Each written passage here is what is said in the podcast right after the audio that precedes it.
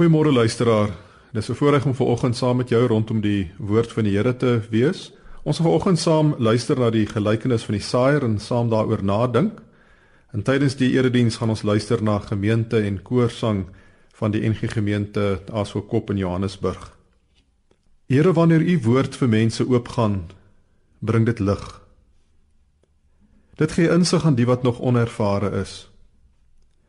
Laat u woord ons op die regte pad hou. Moet tog nie dat enige kwaad die oorhand oor ons kry nie. Amen. Genade en vrede vir jou van God ons Vader, van ons Here Jesus Christus en van die Heilige Gees. Ons loflied waarna ons nou luister is lied 168 Heilige Jesus, Heer van die Here.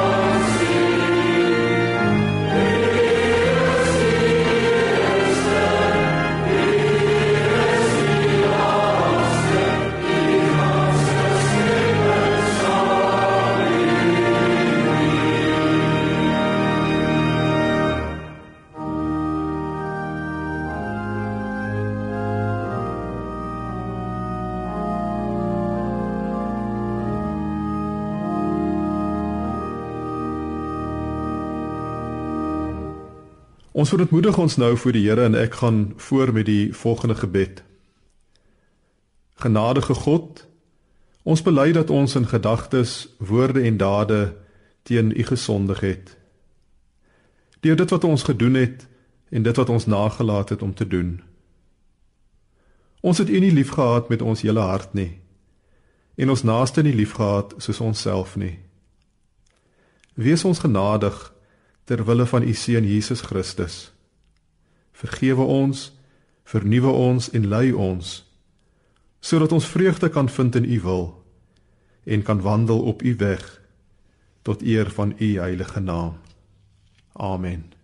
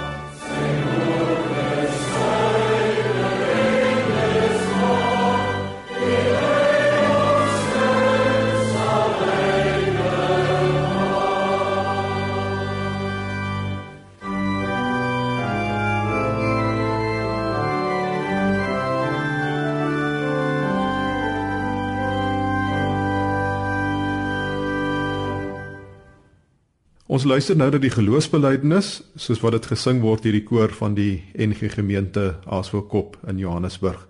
Die struktuur van die geloofsbelijdenis: Ons glo in God die Vader, die Almagtige, die Skepper van hemel en aarde.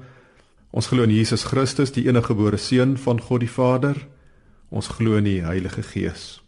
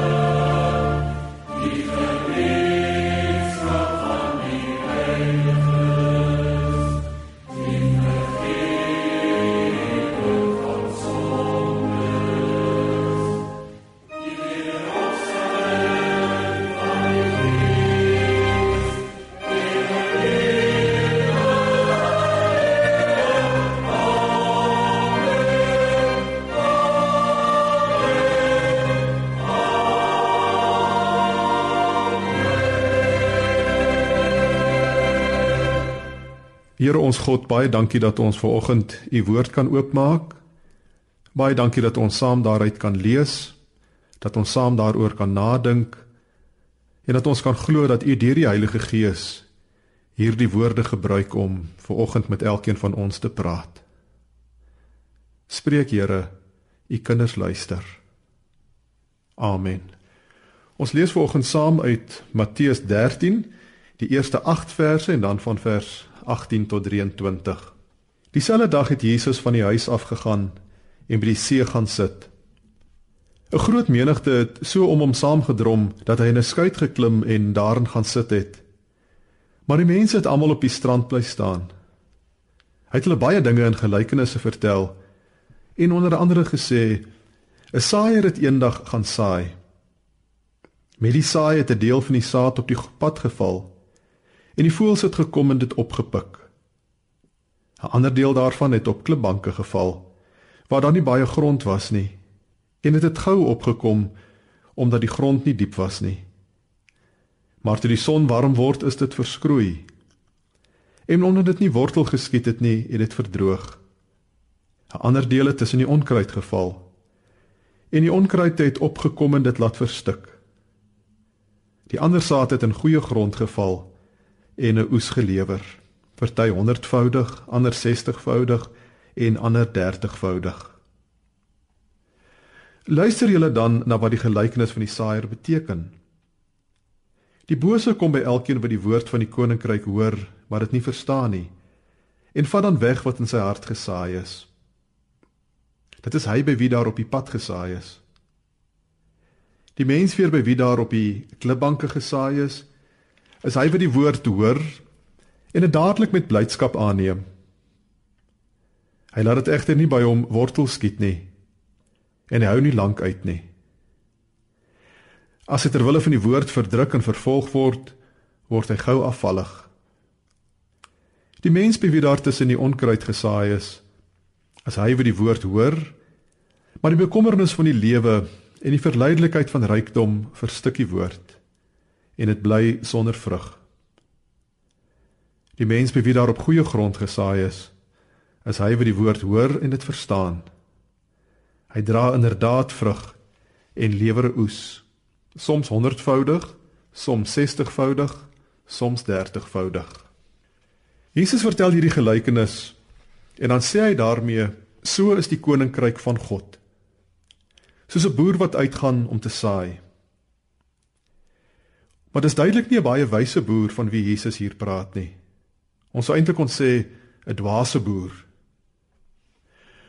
Ons sou verwag dat 'n boer eers die grond vooraf deeglik sou voorberei, dat hy dit sou omploeg en bewerk, dat hy die klippe en onkruid sou verwyder, dat hy netjies 'n fore vir die saad sou maak en hy sou seker maak dat so min as moontlik van die saad vermors word. Maar wat doen die boer waarvan Jesus vertel? Hy strooi die saad byna roekeloos op die grond uit. 'n Deel daarvan val op die pad en voëls kom pik dit op. 'n Deel val op grond waar daar baie klippe is en waar dit nie behoorlik kan wortel skiet nie. 'n Deel val tussen onkruid waar dit nie 'n kans het om behoorlik te kan groei nie. Net 'n gedeelte val op goeie grond waar dit groei en 'n oes oplewer. Dit klink na 'n dwaase boer wat so roekeloos sy saad uitstrooi sonder om seker te maak dat dit op plekke val waar dit behoorlik kan groei. 'n Mens wil amper die moedelose vraag vra: Kan daar ooit iets van hierdie boerdery kom? En nou sê Jesus: Dis hoe die koninkryk van God is. Dis hoe God self is. God is soos hierdie dwaase boer. Hy kom in die saad van sy liefde, die saad van sy goedheid, die saad van sy genade en hy strooi dit vrylik oor die aarde uit, oor mense se lewens, oor ons elkeen se lewe En hy doen dit sonder om eers te vra wie dalk meer ontvanklik is en wie dalk minder ontvanklik is. Hy strooi die saad byna roekeloos uit. Iets van hierdie roekeloosheid sien ons in die lewe van Jesus. God stuur sy seun. En dan stuur hy hom nie net na sekere mense wat op die oog af meer ontvanklik lyk nie. Hy stuur hom na alle mense toe.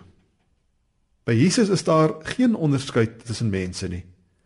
Hy onderskei nie tussen ontvanklikes en minder ontvanklikes nie. Hy praat met almal oor God en God se koninkryk. Hy wys vir almal hoe God se liefde lyk.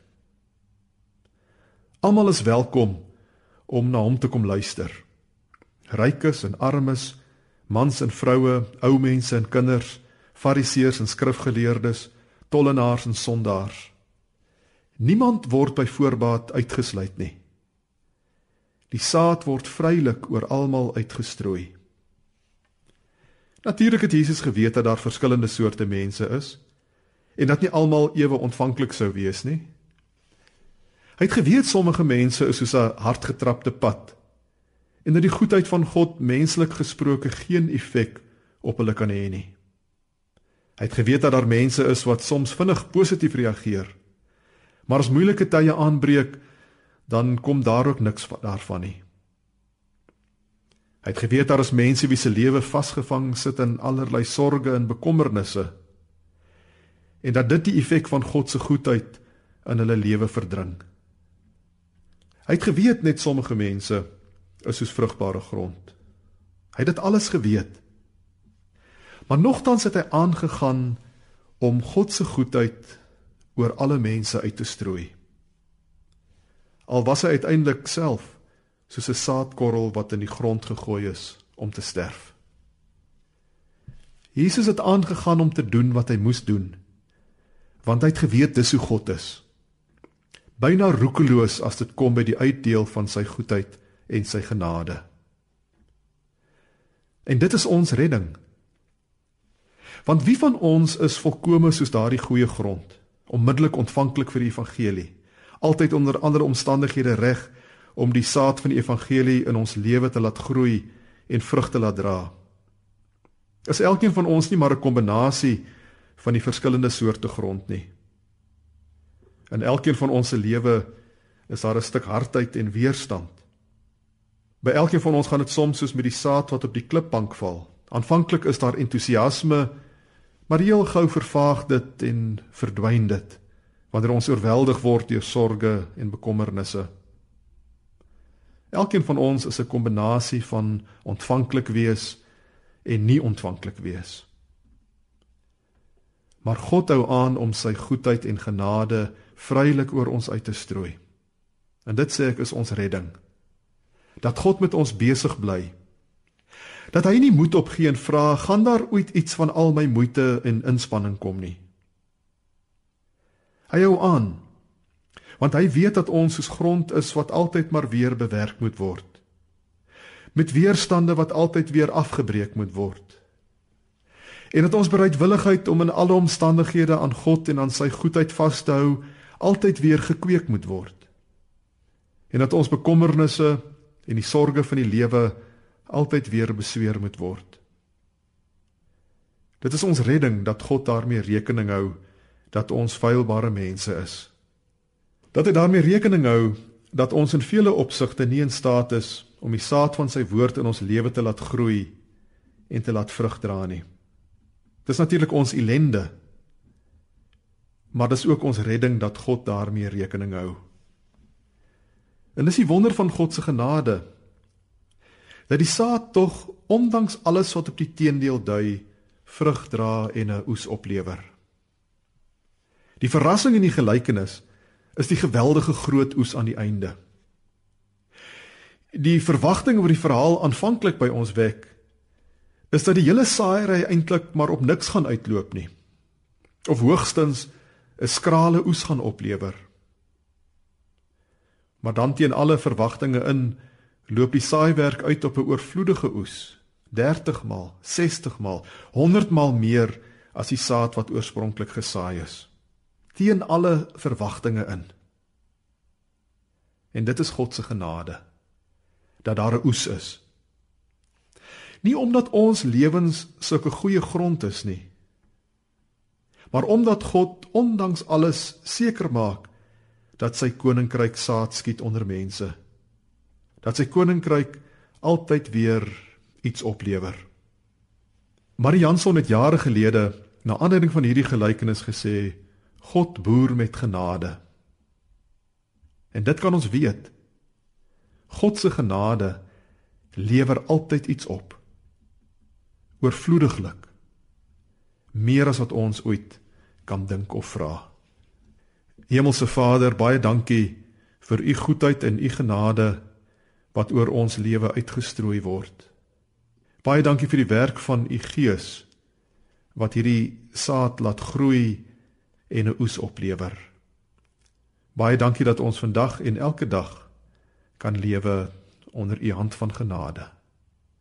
In die naam van ons Here Jesus Christus. Amen. Ons slotlied vanoggend, lied 199, loof die Here uit die hemel.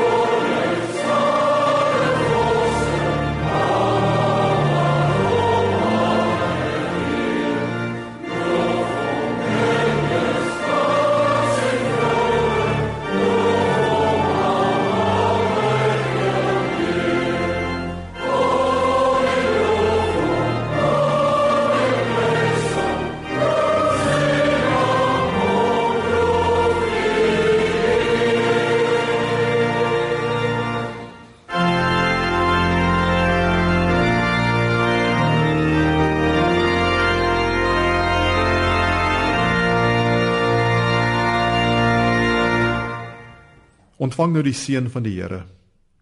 Die Here is voor jou om die pad gelyk te maak. Die Here is langs jou om jou in sy arms toe te vou.